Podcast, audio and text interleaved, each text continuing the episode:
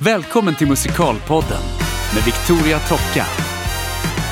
Idag i Musikalpodden har jag besök utav, skulle jag vilja säga, en utav Sveriges bästa manliga musikalartister, om än dock bitvis lite en doldis kanske.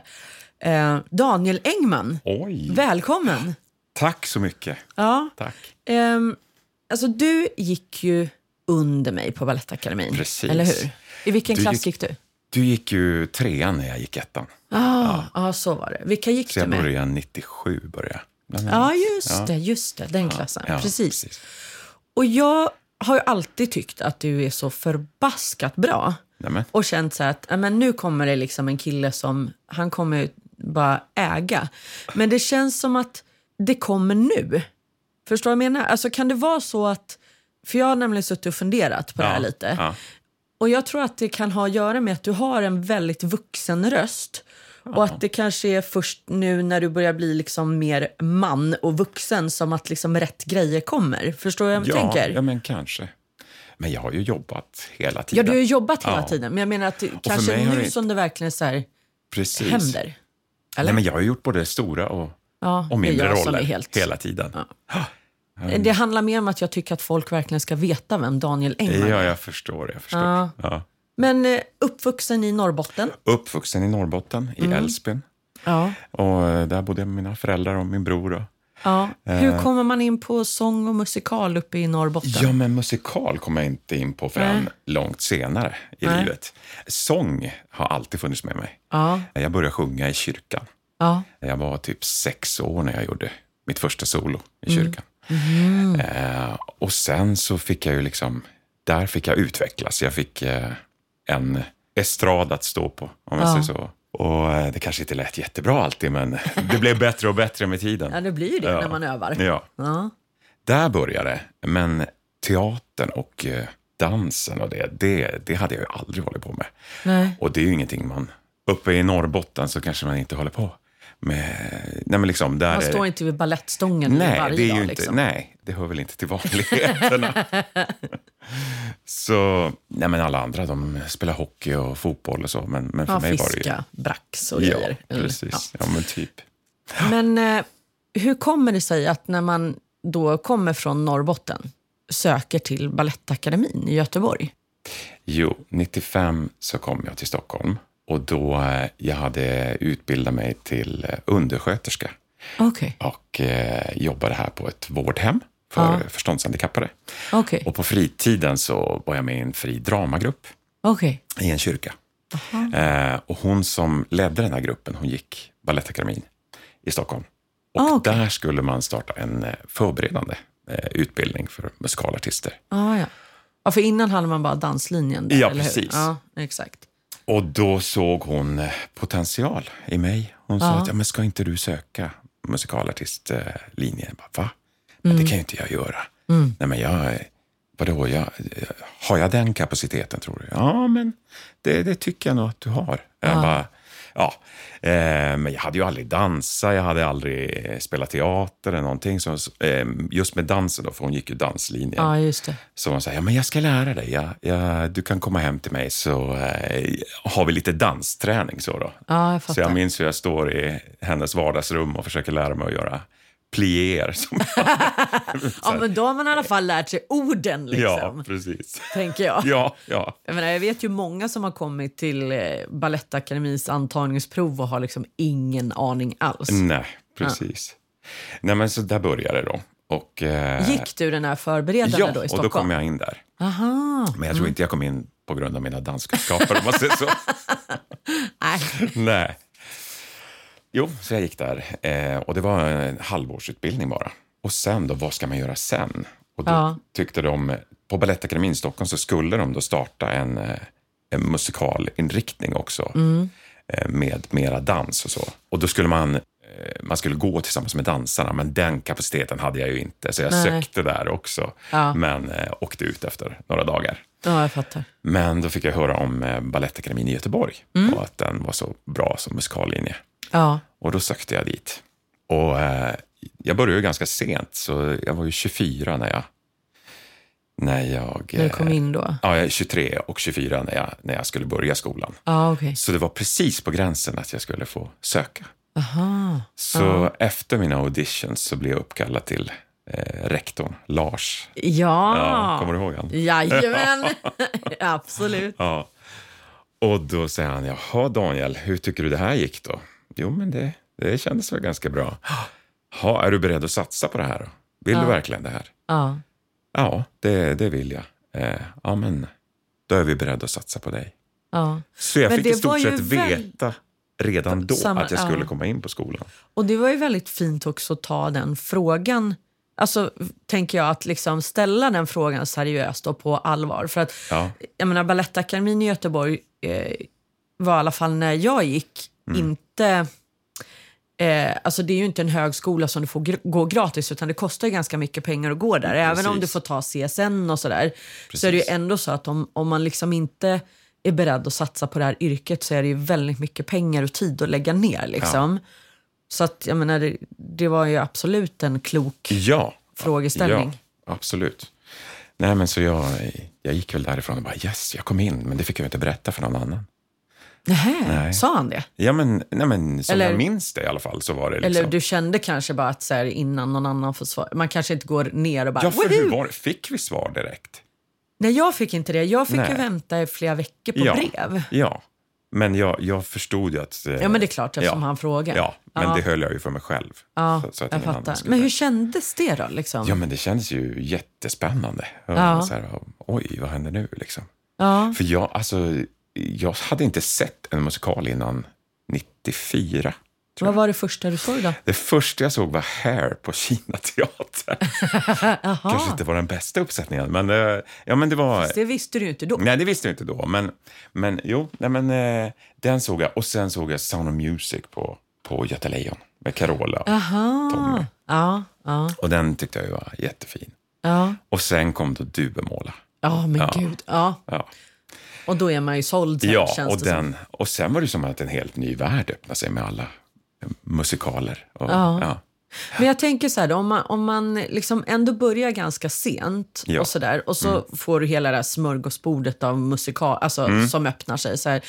Fick du några vad ska jag säga, drömroller eller så ganska snabbt? Liksom, eller, hur, eller har du mer känt så här, åh, här ska bara utforskas lite fritt? Eller Nej, förstår vad jag jag- menar? För att jag kan ju bara relatera till mig själv. Och jag blev ju ganska tidigt helt fixerad vid Kristin i Phantom of the Ja, Opera till exempel. Ja. Så för mig var ju det en väldigt... ehm, och Andrew Lloyd Webber eh, som kompositör. Och jag tror att det, eller jag är helt säker på att det hade att göra med att jag var i London eh, typ när jag var runt 12 och såg då x antal musikal... Jag tror det första jag såg i London var Starlight Express. Mhm. Och bara så här, herre, alltså jag tyckte det var helt fantastiskt. De åkte rullskridskor Mm, överallt. och liksom, ja men, eh, och så såg jag Phantom of the Opera och dog, typ. Och sen såg vi nog Les Misérables också. Och det var liksom så här, som en... Alltså det var som att bli överkörd av det här enorma musikaltåget. Och bara, äh, det var Ja. liksom helt fantastiskt. Ja. Men jag snöade ju väldigt mycket in på Kristin såklart eftersom jag då hade gått Adolf Fredrik och var mer Just klassiskt. det. Och Alltså höll på med klassisk musik. så. Ja men Ja. liksom, jag gick ju kanske i sexan på Adolf Fredrik Ja. när jag såg det där. Ja. Och för mig så var ju det då, jag var första sopran i skolan och Ja, sådär. Du vet, ja. det var bara så här, äh, perfekt liksom. Nej, men eh, jag ska säga, Tommy Körberg har väl varit en förebild för mig. Ja. Så, så de roller han gjorde var så här, åh, det kanske jag skulle göra. Mm. Lite sådär. Ja. Mm. Men då kan man ju liksom eh, komma tillbaka till det jag pratade om lite i början. För Mm. Jag tänker mig då att om man får Tommy Körberg som förebild ganska tidigt, Mm. då är det ju lite vuxnare grejer vi pratar om. Ja, i och för sig. På ett sätt. Mm, Eh, så att... Eh, Jag vet inte om du kommer ihåg, Sikta mot stjärnorna. Jo. du var med i det också va? nej, Nej, jag fick för mig att du var det. nej. Nej, just det. Nej, för det, jag gjorde ju Tommy där. Gjorde Eh, du Ja, det? det var ju under skoltiden. Vad sjöng du då? 98, Anthem. Såklart. Fasen vad Ja, kul. Ja. Nej, men jag tror Nej, men att jag så- minns det här Mm. lite vagt. Jag gjorde ju ett talang, en talangtävling på Kanal 5 Mm. som hette scenen är din. Ja, Så det var nog det kanske. Det var det- det Men det vi var ju många på skolan som både var med i eh, Sikta mot stjärnorna, Scenen är din, alltså de här programmen som fanns då. Precis, de kom ju att leta efter. Och plockade folk Ja, från skolan. Liksom precis, och så så att, jag menar, det var ju väldigt... Eh, ja, det var ju många Mm. som var med. Niklas Asknegård som hette Andersson då, han var ju med i alla de där programmen. Och, det. eh, ja, men det, vi var ju Therese många. Andersson. Vet Therese eh, Andersson, Shirley Clamp var med Shirley, också. ja, Det, just just det. var ju väldigt många liksom, Ja. i, i vårat, liksom den generationen som gick de åren där. Precis. under den tiden. Eh, Men hur kände du att det var på Balettakademin då? Fick du, känner du att du fick ut det du önskade dig från skolan? Eller liksom, speciellt tänker jag så när man ser tillbaka på det. Hur tänker Mm. du kring skoltiden?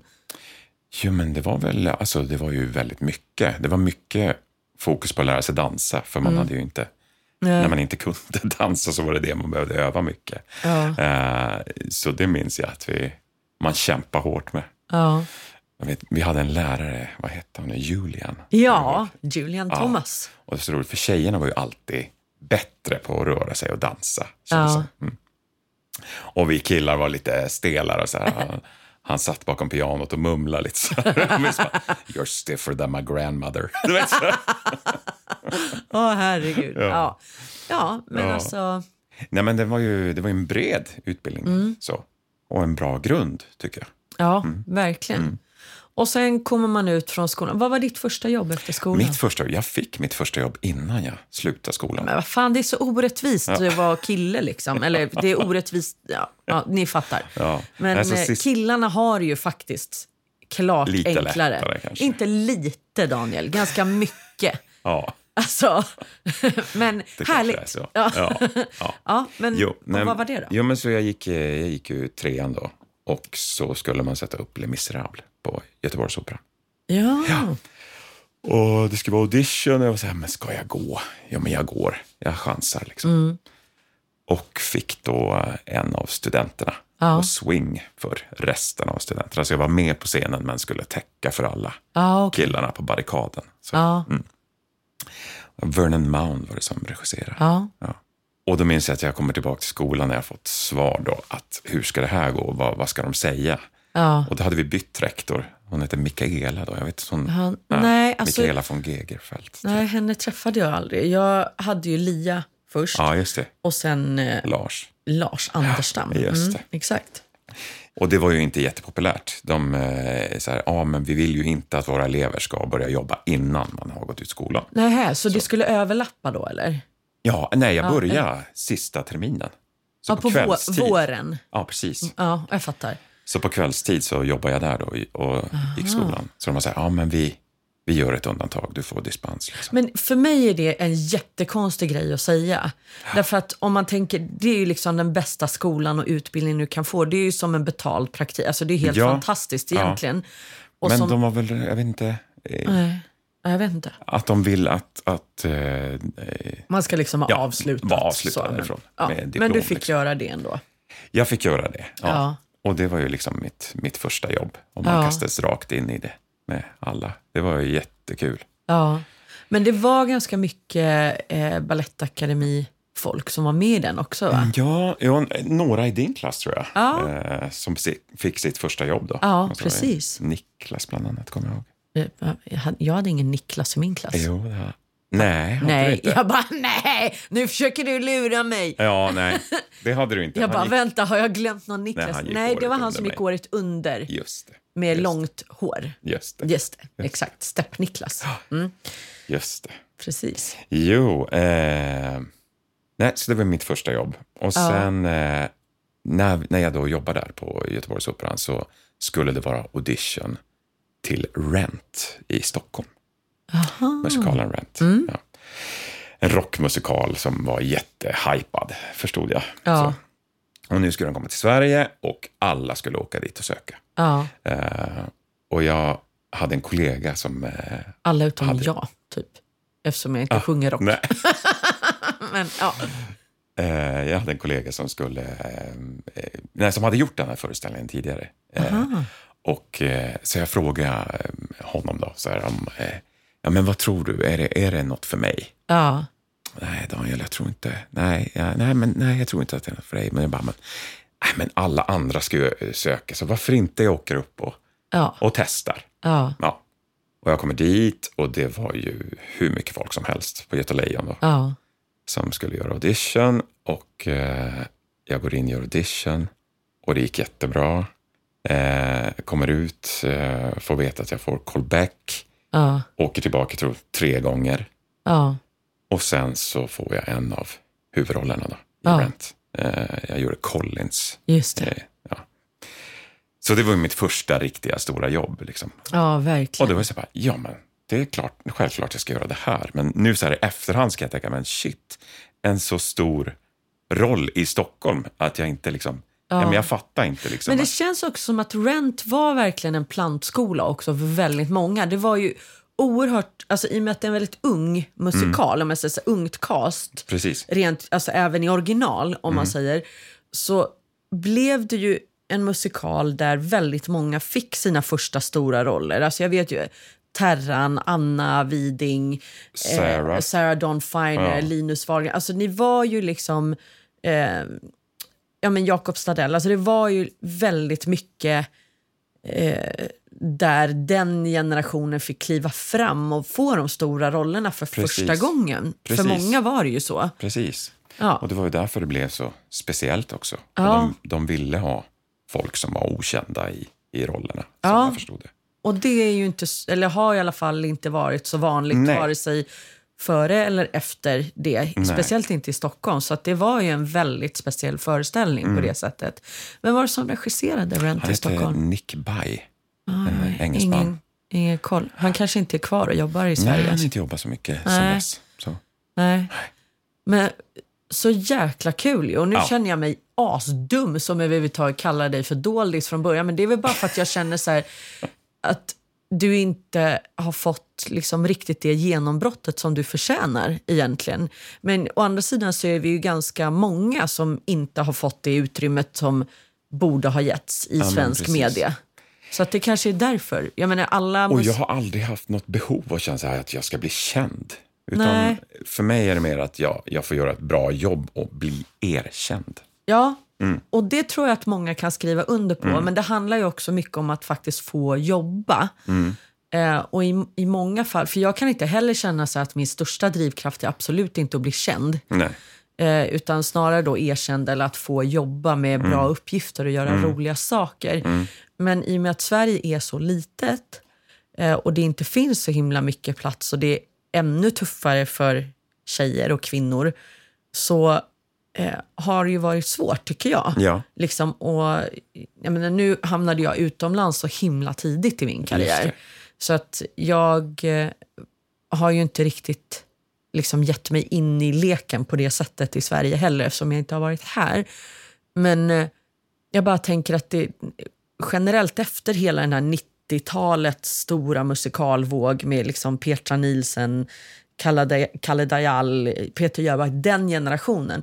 Efter det så har, vi, har det egentligen inte kommit några nya så här musikalstjärnor. Nej. Även fast det finns att plocka av. Men det handlar mer om att media har Precis. inte har lyft fram dem som har Nej. dykt upp. Nej, Liksom. det tror jag också. För att det, jag menar, att det finns musikalstjärnor i Sverige, det vet vi ju att det gör. Ja. Massvis. Och det är därför tror jag som Från Broadway till Duvemåla till exempel funkar så bra. Därför att vi har otroligt kompetenta musikalsångare och musikalartister. Ja. Det är bara det alltså, vi måste få hål på den här förbaskade mediabubblan där man hellre lyfter fram folk från Idol än Mm. att lyfta fram någon som liksom har en gedigen eh, arbets... Eller alltså kan Ja. ett yrke. Ja, Liksom. men precis. Men det är precis som att vi gärna, eh, eller vi, men eh, media då, gärna eh, det är lite den här underdog-mentaliteten och kanske Askungesagan de är ute efter. Att det är liksom roligare att hitta någon som typ stod som eh, liksom lagerarbetare i Luleå som blir nästa stora popstjärna Ja. än att liksom lyfta fram någon som faktiskt har gått en utbildning och kan sitt yrke och gör det jäkligt bra. Jag tycker det är Ja. jättekonstigt. Ja, men, det är märkligt. och jag, liksom, det känns också som att den vågen borde lägga sig. Hur många orkar se en ny säsong av Idol? Ursäkta mig, Ja. men liksom... Ah! Moving Ja. on. Ja. det var, var min lilla rant för Ja. idag. Så att Ja. säga. men, nej, men det är ju lite så här, musikal eh, för mig, och jag tror Mm. att du kan hålla med där, det är ju en konstform. Och åker man utomlands, alltså typ till West End eller till Just det. Broadway eller så, då är det en yrkeskategori som verkligen uppskattas Ja. liksom på ett helt annat sätt. Ja. Medan i Sverige så har det i alla fall hittills varit väldigt mycket så här, "Ah, musikal, det kan vem som helst Ja. göra. Det räcker med att du har... Vi ska nästan be om ursäkt för oss själva. Jag vet inte varför det Ja, är så. och det är ju jättetrist och Ja. det får vi bara liksom eh, kollektivt ändra på. Precis. Och där måste media börja haka på, punkt slut. Ja. Så är det bara. Skärp er. Ja. Men Mm. ehm, för att återkoppla då igen till det här med att... Eh, ehm, jag menar, du har ju liksom gjort så otroligt mycket grejer. Allt från liksom ensembleroller till Mm. and, liksom mycket understudy-uppgifter. Eh, Och huvudroller också. och, ja, och, och så huvudroller. Mm. Liksom. Eh, Men hur... Om, du ska, om vi ska prata till framförallt de här som är kanske lite yngre då. Mm. Och så har du liksom funderat lite, eller har du någonsin funderat liksom under din karriär så här att eh, det här eh, verkligen vill jag göra eller ibland får man ta jobb bara för att man behöver jobba för att pengar... Alltså hur, hur har Ja. du liksom tänkt kring Nej, men jag har nog valt att ta mindre jobb också för att hålla mig flytande. Ja, Och så sen har de här... säga, Det går i vågor, Ja, det går liksom. i vågor. ja, Och jag tror branschen är för liten i Sverige för att jag ska kunna tänka att jag ska göra huvudroller hela tiden. ja, För då kommer jag stå arbetslös ja. om jag inte är Peter Jöback. Nej, Nej, jag fattar. så Ehm, men, jag. ja, precis. Men hur, kän, alltså, hur eh, känns det att vara understudy? Eller vad, alltså för de som inte vet vad det riktigt Mm. är, kan, vi beskriva, eller kan du beskriva liksom vad det handlar om? Vad gör man då? Nej, men att gå in och göra eh, för huvudroller. Mm. Eh, att gå in och eh, axla den rollen på samma sätt som huvudrollen gör. Ja. Eh, Mm. Om den personen blir om sjuk? den personen är sjuk. Ja. Har du någonsin varit med om att eh, eh, det har, alltså, har du någon gång gjort en understudy för då, säg typ en väldigt känd person och att det känns lite jobbigt att gå in och, och spela? Eller har det liksom bara varit så här, hurra, idag får jag kliva på? Liksom? För mig har den mer varit hurra, idag får jag kliva på. Med Ja. blandad eh, eh, skräck och eh, förtjusning. Ja. Ja, men man har ju aldrig fått repa lika mycket. Om man är inte, så, om man kommer, det som är bra det är att du kommer som en underdog, att folk inte förväntar sig då. Nej. Att oj, vad, vad, jaha, nu är inte han här. Vad Nej. får vi då? Ja. Och då får man kliva fram och så kanske man gör ett jättebra jobb och så bara wow, Ja. vilken föreställning det här blev. Precis, och jag skulle Tycker precis komma till det. Att liksom, det är väldigt sällan jag har sett en föreställning och blivit besviken på en understudy. Oftast så är det ju tvärtom. Precis. För att den personen kommer in med så jäkla energi Precis. och alla är på tårna för att hjälpas Ja, åt. men visst, så är det ju. Och det blir någonting annat, det händer någonting i rummet. Speciellt om det är föreställningar som har gått länge. Ja. Och det är oftast de som man har en understudy i Ja. också. Ja, Ja. så. Och sen har jag ju... Ja, men, eh, man vet ju hur det är att vara understudy, så när jag själv har eh, en större roll. Då, Ja. så man, man förstår ju det där, att det är, det är tufft också. Att hela Ja. tiden hålla det ajour. Liksom. Ja. Man kan aldrig släppa det helt, utan idag kanske de ringer. Ja. Eh, och då ska jag in och då är det bara 100 procent. Ja, precis. Och sen så har ju du blivit eh, fast anställd, eller jag vet inte, Ja, men just du, nu- på Uppsala Ja, precis. stadsteater. Jag har varit där i ett år nu och har ett år till på kontrakt. Ja, men det är ju helt fantastiskt. För det är ju också ganska få förunnat bland musikalartister att få liksom ett långtidskontrakt. Mm. Ja. Bland de första som fick det var väl makarna Nerfont på Värmlandsoperan. Och Just de är det, men de har fortfarande- ju fasta kontrakt. Va? Ja, de har ju Alltså, varit där i hundra år typ. ja. Men, eh, men jag vet att även på Malmö Opera så är det ju flera musikalartister nu som är under lång, alltså längre Långa kontrakt, i alla Och fall. Göteborg också tror jag. Ja, så kanske Man har några... Men det är ju, alltså för mig så eh, signalerar ju det att vi är på väg åt rätt håll. Absolut. Att man liksom värdesätter kunskapen från musikalartister på ett annat sätt. Ja. Eh, och jag tänker i, i ditt fall till exempel så har du blivit använd till fler saker än Ja. ren musikal. Ja. Och jag har ju fått göra, alltså jag har fått vara i alla teaterns rum. Ja. Vilket jag känner mig väldigt privilegierad att Ja. fått göra. Ja, men både privatteater Ja, och eh, fem, sex föreställningar i veckan. ja, Och sen har jag varit på eh, olika stadsteatrar också. Och gjort eh, ny m- svensk musikteater. ja. Vi ska Också. prata det om en liten stund tänkte jag. Men så jag bara, just det här att, att veta då att man har två år liksom fast. Ja, det är ju Så. jätteskönt. Ja, det måste ju Ja, vara det ja. tänker jag. Och ni gjorde en uppsättning av Carmen. Ja, precis. Var det musikteater? Eller? Mm, det var ju alltså opera, lite gränsöverskridande mot Ja. musikal. Så, Ja, okej. Med en eh, tysk regissör som heter Anna Bergman. Aha. Hur var det då? Eh, det var fantastiskt roligt. Ja. Eh, och jag fick göra en... Eh, jag gjorde Escamillo, Ja. där, Toreadoren, Ja. som en eh, wrestler. Nej. Jag eh, tänkte, tänkte Nicky, vad heter han, Nicky Rouge? ja, eller typ, eh, gud vad hette han? heter han? The Hulk, typ. Ja, ja. Alltså amerikansk långt wrestling pratar vi om nu. hår, eh, tatueringar och du vet så här. Oh my det- god, ja, det var roligt. Ja, ni får gå in och googla detta. Ja, det får ni göra. Ja. Bildmaterial. Ja, ja men det, det, det var väldigt kul eh, att få göra en roll som är så, så långt ifrån en själv. Så, Ja. Mm. Och just nu är du ju högaktuell i Big Fish Precis. på Uppsala stadsteater som jag var och tittade på för inte så länge sedan. Ja. Superfin föreställning. Tack så mycket. Ja.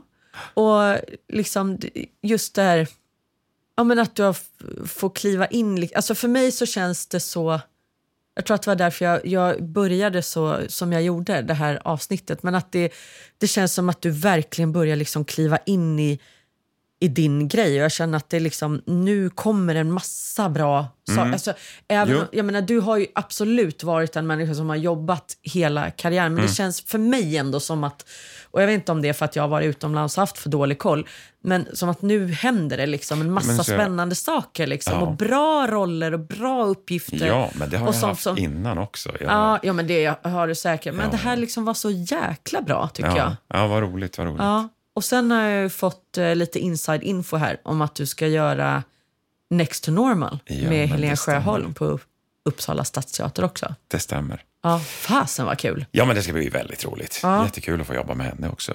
Ja, har du gjort det innan? Nej, vi är Nej. bara bekanta sådär. Så Ja. vi hälsar på varandra lite så. Ja, jag förstår. Ja. Vad kul. Men sen då som så här, enormt Disney-fan så Mm. måste jag verkligen lyfta fram, om det inte är någon som har hört det redan i den här otroligt djupa manliga rösten, så är det ju Daniel som var rösten till odjuret Ja, i senaste filmatiseringen av Skönheten och odjuret, Beauty and the Beast, Ja. med ehm, eh, Emma Watson i huvudrollen.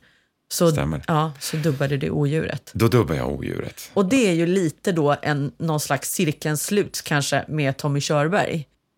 Kan man ja, säga just så? det. Ja. Ja. det kan man ju säga. Eller? Ja. Ja. ja, just det. Han gjorde ju den i Ja. original. Ja. Va, vadå, du har inte tänkt på det? Nej, jag har faktiskt inte tänkt på det. What? Nej. Men alltså! ja. ni ser ju. Ja. Ja, ibland tänker jag fel och ibland tänker Daniel inte alls. Nej. Så kan det gå. ja. Ja. Men hur var det då? Alltså, Ja, men jag det var- tänkte så här, var det spännande att gå in och så här, ta över efter Tommy? Men eftersom du inte har tänkt på det, var det Nej, jag, roligt? nej, jag har inte tänkt på det. Nej. inte, inte sådär bara, ja just det, nu gör jag det. Nej. Eh, nej, men jag vet att de eh, skickar några förslag till Disney, för de ska ju bestämma vil- Ja. vem det är de vill ha. Så. Ja, Och då föll de då för min röst. ja. Eh, Men jag kan ju förstå det. Alltså, det är ju bara att höra dig sitta här och prata nu. Så känns det ju helt självklart, tycker jag. ja. Ja. Nej, men så sen spelade vi in den under... Eh, det var inte många timmar. Nej. ju 15 timmar hade jag allt som allt. Ja.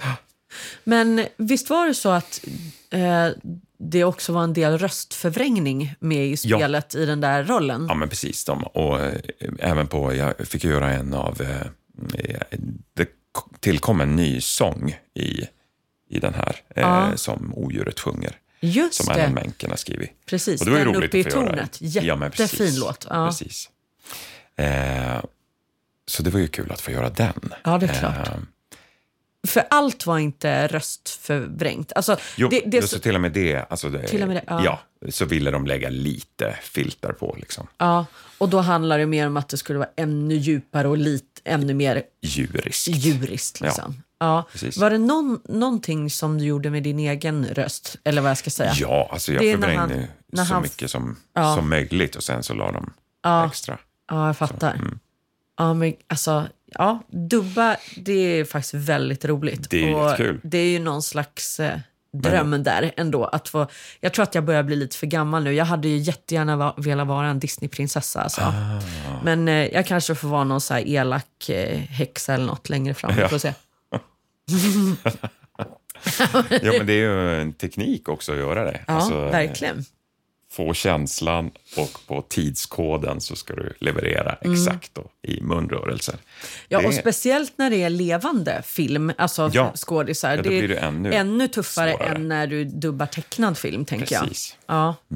Jag pratade lite grann med Emmy Kristensson om det också, som Ja. dubbade Bell. Ja, men precis. Mm. Eh, att det är liksom skillnad på när man gör med alltså tecknad figur och när du ska följa en levande skådespelare, Ja. så att säga. Ja, Ja. det blir mycket känsligare med munrörelserna. Ja, Och översättningen också. Att det ska passar stämma bra. Ja, tydligt. Ja, precis.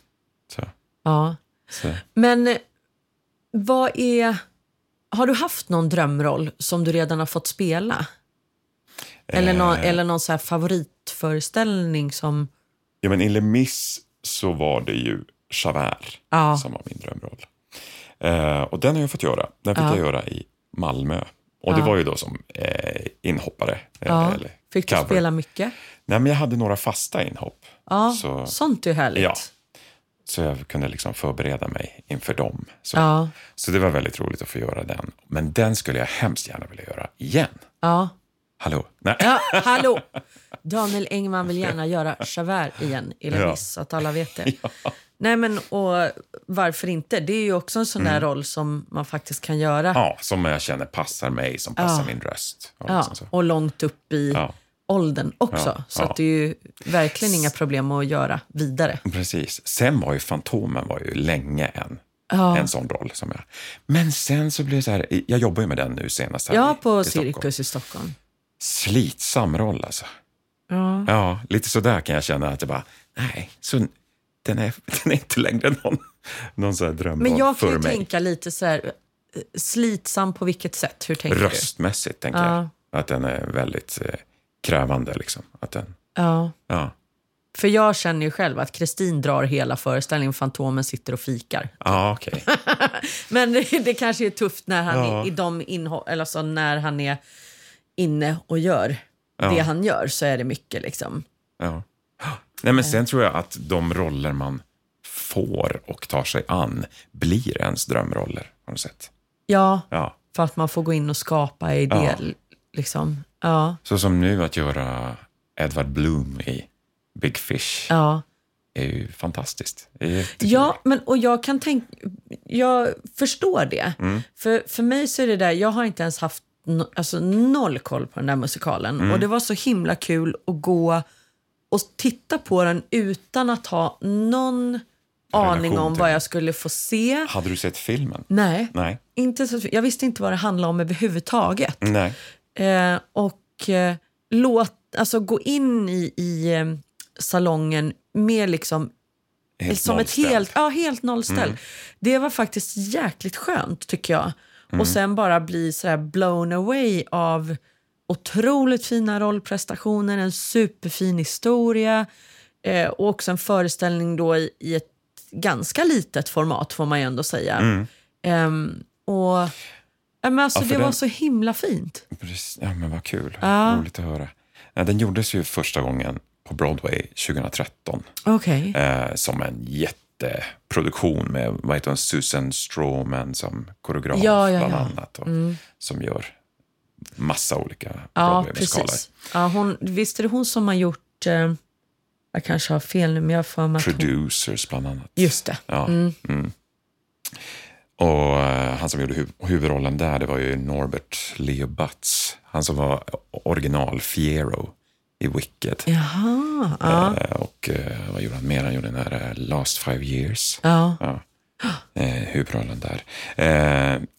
Nej, men där så blev det ingen jättesuccé. Jag vet Nej. inte varför. Nej. Men om man inte fokuserar på historien tillräckligt mycket. Men Och det jag tror kanske blev mer en showmusikal. spektakel, ja, liksom. Ja. Och sen gjorde man den i London för några år sedan. Ja. Eh, och då hade man bantat ensemblen, så man hade, jag tror det var 12 eller 14 skådespelare bara. Ja.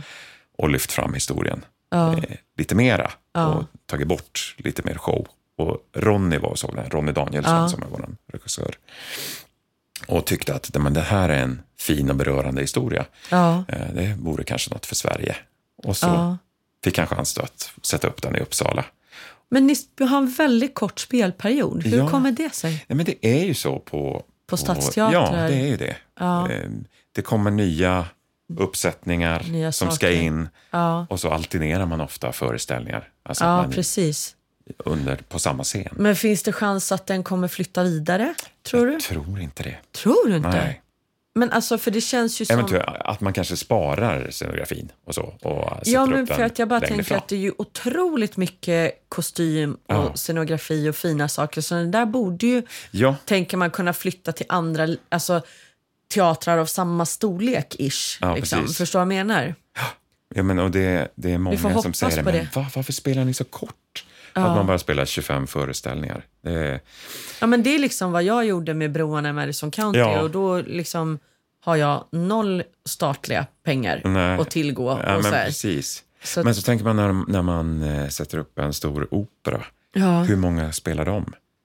De, ja, men de kanske spelar tio föreställningar och rep, repeterar lika länge och har en enorm scenografi och Ja. kläder. Och, så, ja. Ja, nej, men alltså det är ingen kritik. Det är Nej, snarare nej, men- så att det vore Nej, men jag har tänkt på det själv Ja. också. Hur det, liksom hur man skulle kunna få till... Och sen tänker jag att det är ett, man kanske inte vågar satsa så stort när det inte är något känt namn. Alltså, folk känner inte till musikalen. nej. Eh, man kanske känner till filmen. Jo, jag fattar. Men alltså, det finns ju ändå ganska många olika stadsteatrar med ungefär samma storlek av scen. Ja, Det hade varit himla härligt att flytta den, du vet, Ja. så här, fyra veckor till Västerås. Eller vad Ja. fasen vet jag. Ja. Men alltså att liksom den typen av samarbeten. Absolut. Så att det Jättebra idé. liksom hade väl varit en superbra grej. Ja. Istället för att alla ska liksom bygga ny scenografi och kostymer för så här mycket skattepengar och sen Helt ska det sant. liksom skrotas bara. helt sant. Alltså, vi kanske får starta någon typ av så här app. Nej, jag vet inte. Återvinning. Nej, men så här, jag vet inte. Musikalåtervinning. Ja. Nej, men för att det är ju egentligen helt absurt att Ja. det liksom sätts upp så mycket fina Ja, grejer som liksom... Ja, ja. Man skulle kunna vi by- får... byta. Precis, Mm. by, bytlån av Ja. varandra. Mm. Vi får fundera för det, Daniel. Hur, Ja, det man, skulle, hur man skulle kunna göra det där. Ja. Ja.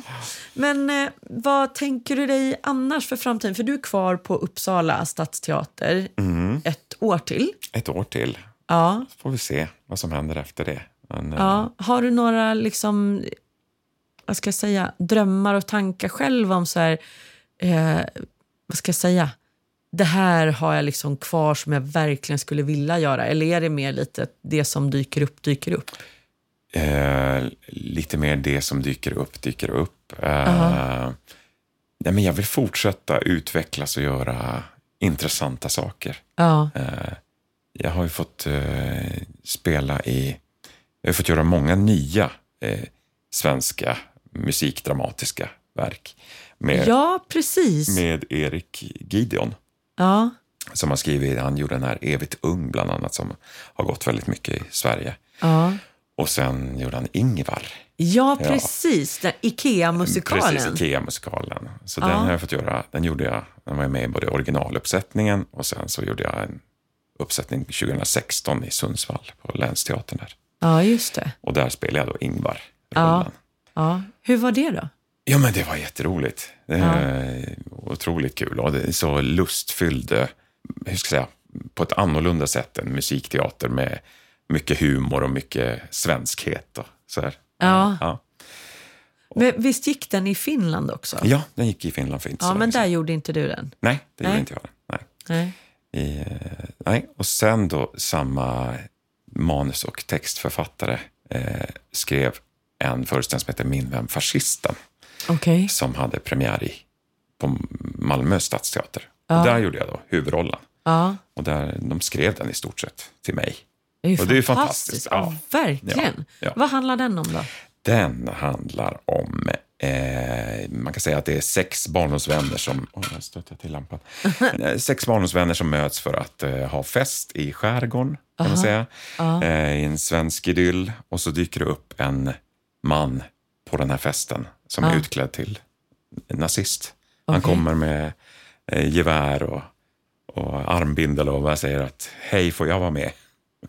eh, Okej. Och de blir ju helt, va, va, va, vad är det här för en galning? Liksom eh, Breivik som kommer här. Liksom. Ja, Ja. verkligen. Men så visar det sig att han inte alls är någon nazist utan han är, Fascist? Nej, skojar. nej, han är uppfostrad av sin morfar. Så, och morfar var eh, fascist, nazist. Ja. Liksom. Men hade framställt det som någonting bra. Så. Ja. Och sen när han förstår att det här, eh, det här är ju helt åt skogen så vill han ju i stort sett ta livet av sig. Eh, och, då, och frågar sig sen då hur, men hur ska jag leva då? Hur, Ja. eh, ja, vad ska jag tro på? Eh, och var ska jag stå politiskt? Och då börjar de här eh, vännerna att berätta för honom att ja, men så här ska du tänka och så här ska du tycka. Och sen är det han eh, själv då som eh, eh, Ja, Men han måste hitta... Nej, men han måste... Alltså, det han, jag gissar att det handlar om att han måste liksom ta ställning helt enkelt Ja. och hitta sin egen väg. Det blir Ja, ju men det det han när gör. Han- hela liksom han sitt livsbilden faller på något sätt. Ja, precis. Och han startar sitt eget eh, parti. Nej. Ja. Ja. Och då... då eh, men hur ska jag säga? De bara driver med honom. Och vad händer med en människa som hamnar liksom utanför? Eh, blir den, kan den personen bli farlig för oss Ja. som hamnar utanför samhället? Liksom? Ja. Ja, det är stora frågor ju. Ja. Och väldigt intressanta frågor. Ja, verkligen. Mm. Och också, alltså, nu blev jag lite ledsen. Typ, så här. Så driver de en fick, Ja. honom så fick han inte... Nej, men, så får man inte göra. Som, eh, både jag och, och mina barn ska säga, är ganska känsliga av oss. Mm. Min dotter som är typ hon ska bli 13, men hon kan liksom fortfarande börja gråta när vi tittar på Bamse och vargen inte får vara med på födelsedagskalas och grejer. Så här. För att det är liksom så här, man får inte vara taskig. Nej. Ja. Nej. Nej, men så... Men är det någon, någon nytt eh, på gång där kanske, eventuellt, menar du? Eller Nej, att bara det- att det vore roligt att göra liksom nyskrivet och nya grejer? Ja, men det är roligt att ha fått göra det. Att, få, Mm. Det förstår jag. att ha fått eh, vara med och, eh, och Ja, men att skapa. Mm. på ett annat sätt. För jag tänker att det är ju också en ganska stor skillnad, såklart, Mm. mot att då gå in i till exempel Phantom of the Opera på Cirkus, Ja. som har sett exakt likadan ut i 30 precis, år. Precis. Ja. Där man får vara med och påverka på ett helt annat sätt. Ja. Men var det, hur var det att vara med i Phantom då? Och få kliva in i en sån föreställning som verkligen har sett likadan ut i alla år och är någon slags, alltså man får ju nästan säga en kultföreställning. nu. Ja, Nej, men jag tycker det var jättehäftigt. Ja. Alltså vilket maskineri. Ja. Det, vad är det? Det är väl typ 100 pers som är både på och bakom scenen för att få det att funka när det liksom är igång. Ja. Eh, nej, men att få jobba med folk från eh, New York som kom och, Ja, precis. Det är ju samma team. Ja, ja, Kristen Blodgett, Arthur. Marcella och ja. hela det gänget. Vilken Eh, enorm precision de hade, liksom, Ja. hur de jobbade med oss. ja. Det var ju jätteroligt Men det är och spännande. inspirerande. Ja, Kristen är fantastisk faktiskt. Ja, Just det, verkligen. och hur hon fortfarande liksom är så oerhört entusiastisk Mm. i sitt arbete. Nu var det länge sedan jag jobbade med henne, men jag har ju pratat med flera av er som jobbade med henne nu nyligen. Mm. Men att, eh, alltså, eh, redan när jag jobbade med henne, då hade hon ju redan varit igång liksom i 20 år med Fantomen. Mm. Eh, och kom in liksom med en enorm energi och, Ja. och liksom, man känner att hon gör det med lust Ja. liksom, fortfarande. Otrolig lust. Ja, och att, Och det smittar av sig verkligen. Ja. Man känner bara wow, kan man göra det så här? ja, Så exakt liksom. Ja. Med Äh. precision. Mm, ja, det är väldigt inspirerande, ja. tycker jag. Mm, men sen att få eh, att jobba med en sån uppsättning då som är så eh, exakt, du ska stå här, du ska gå här. Det är ju på ett annat sätt. Ja. Och då försöka fylla det med lite av sin egen person Ja, Ja. och liv i och... karaktär. För vad var det du gjorde i Phantom? Regie? Oj. Nej? Nej, jag, jag var... Nej, det gjorde inte. Eh, där, jag gjorde auktionsförrättaren och, och brandmannen. Brandmannen, ja. Och så gjorde jag Fermé, eh, US. Ja, understudy för, för- ja, för- eller cover för, för en av teaterdirektörerna. Teaterdirektör. Mm. Gick Precis. du in i den rollen? Nej, han var aldrig sjuk. Fan! Ja. Nej. Nej, men, Phantom Men vad vi ju, repar mycket. Ja. Vi repar ju varje vecka, så det var ju verkligen så här, Du har ändå fått göra det kan man säga, för Ja. din egen skull. ja, Så ju. ja. Nej, men alltså... Och, och, ehm, Och jag kände inte så här, åh, jag måste få göra den, utan nej, jag fattar. Men det är ju en sån föreställning som... I och med att den går så länge så har ju alla ordentligt med covers och understudies. och Så. Men Ja. jag var ju också en, ja, ett otroligt schema. Så Ja. jag tror det var två på varje roll. två på varje Liksom, för ja. det liksom ska inte kunna fallera. Nej, Liksom. nej. Men, eh, nej, men jag var ju också en sån där tråkig Kristin tänkte jag säga. Jag var ju aldrig sjuk heller, så min stackars understudy fick ju inte gå på heller. Nej. Och då, det, alltså, det är ju komplext på det sättet, för att jag var ganska ung då. Och vill, alltså, det var min drömroll och jag ville ju spela till varje pris. Liksom. Så att eh, så länge jag var frisk och hade röst så, så spelade jag ju. Men jag kan ju någonstans så förstå nu x antal år senare att det måste ju ha varit skitjobbigt för hon som var första understudy. Som, alltså det kan ju, alltså jag upplevde aldrig att det uppstod liksom någonting mellan oss. Nej. Men jag kan ju förstå ändå hem, alltså att det måste ha legat en frustration där i att liksom man drömmer kanske om att få gå på i den här rollen och så Ja. sker det inte fast att jag spelar i två år och man bara, alltså Ja, Eh, nu var ju i, i ditt fall kanske inte en sån drömroll men liksom...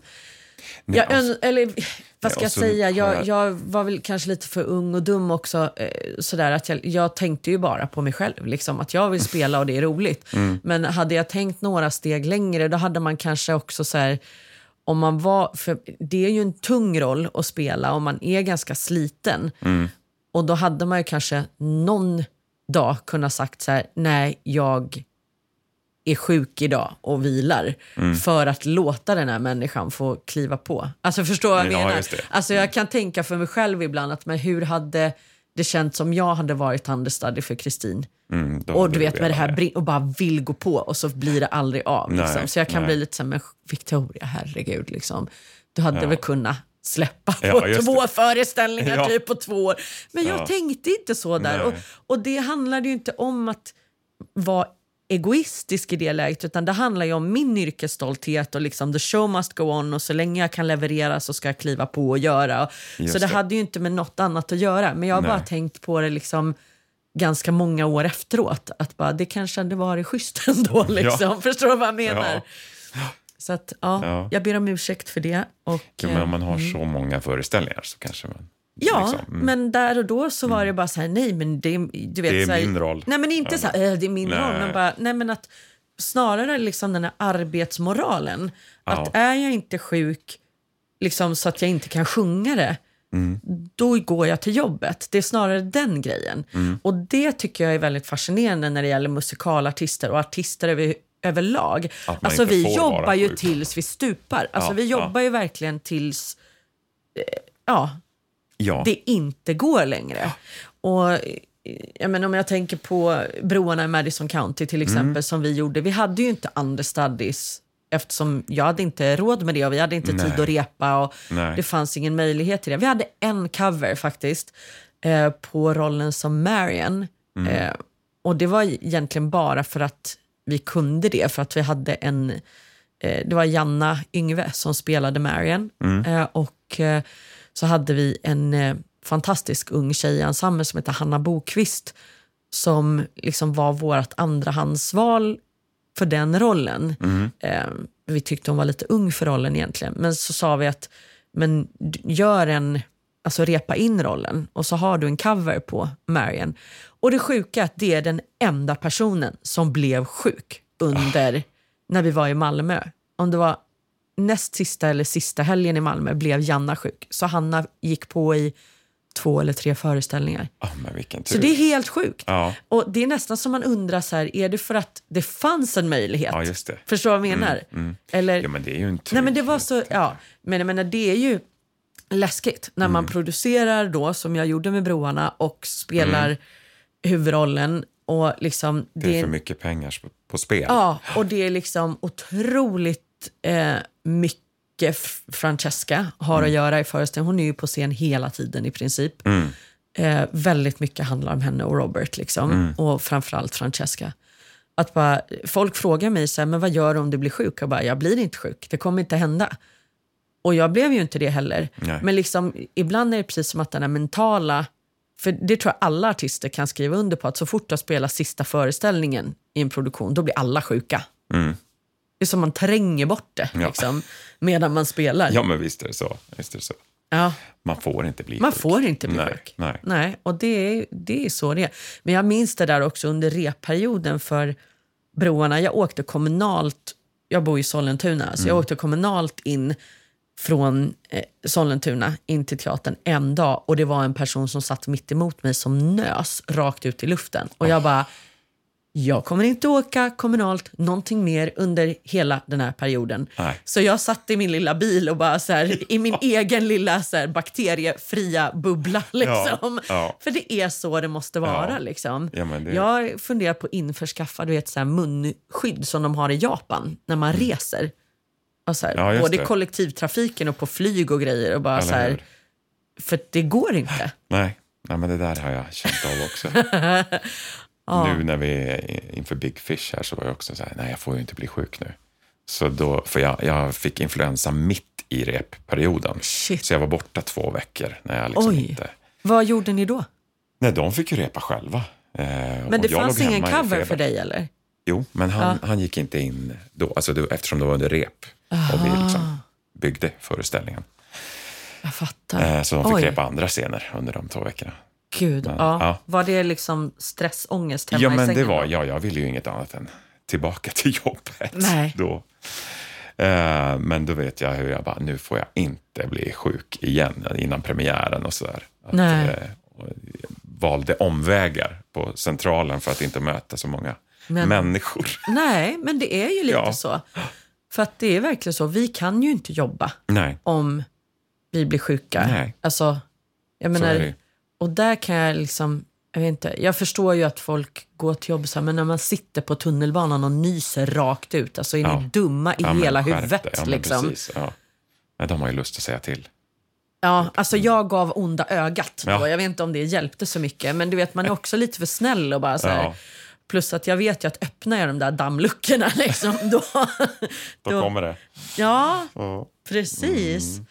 Men stort, stort tack för att du ville vara här och prata med mig i Musikalpodden. Ja, men- Jag eh, ser fram emot att se allt spännande som du ska göra framöver. Och som sagt, eh, Next to Normal på Uppsala stadsteater är icke att missa. Nej. Både Daniel och Helena Sjöholm och Martin Rede Nord eh, medverkar. Så det, eh, när är föreställningen? Är det till hösten? Mm, nej, i vår. Till våren. Så vi har premiär i februari. Ja, våren 2020. 2020. Alltså. Ja. Vad spännande. Men vad gör du fram tills dess då? På... Fram till dess så eh, jag ska vara på, eh, på teater på Stadsteatern och jag ska göra en ren talpjäs. Nej, vad kul! Har du gjort det förut? Nej, det blir faktiskt första gången så här på riktigt. Wow. Ja, lyxen med att få ha ett sånt kontrakt, Ja. att få göra så Ja. mycket olika saker. Gud vad kul! Och få göra nya utvecklande saker som jag vill. Ja, Vad är det för pjäs? Den heter Pennskaftet. Okej. Eh, handlar om Elin Wägner eh, som var, eh, ska säga, jobbar med kvinnliga rättigheter. Jaha. Ja, Här i men då vet ni vart ni ska ta. Det är faktiskt jätteenkelt att ta sig till Uppsala med Ja. pendeltåget Ja, från precis, Stockholm till exempel. Och jag menar, vi har ju inte bara lyssnare i Stockholm, så, men har ni vägarna förbi Uppsala stadsteater kan ni alltså se Daniel Engman i Pennskaftet i höst och sen Next to Normal våren 2020. Mm. Och sen så får man ju hålla utkik helt enkelt efter allt annat fantastiskt du kommer göra. Jag ber återigen om ursäkt för att jag inte alls eh, har haft lika bra koll som jag borde. Men för mig så har det verkligen eh, känts som att det har hänt otroligt mycket senaste åren med både Beauty and the Beast och Ja. eh, Big Fish. Och, ja, men alltså så att det är, ja, för mig är du i alla fall fortfarande i högsta grad på gång. Ah. Och jag ser fram emot allt spännande du ska göra framöver. Tusen tack Daniel Engman. Ja, men tack själv. Tack, vad roligt att få vara här. Musikalpodden med Victoria Tocka.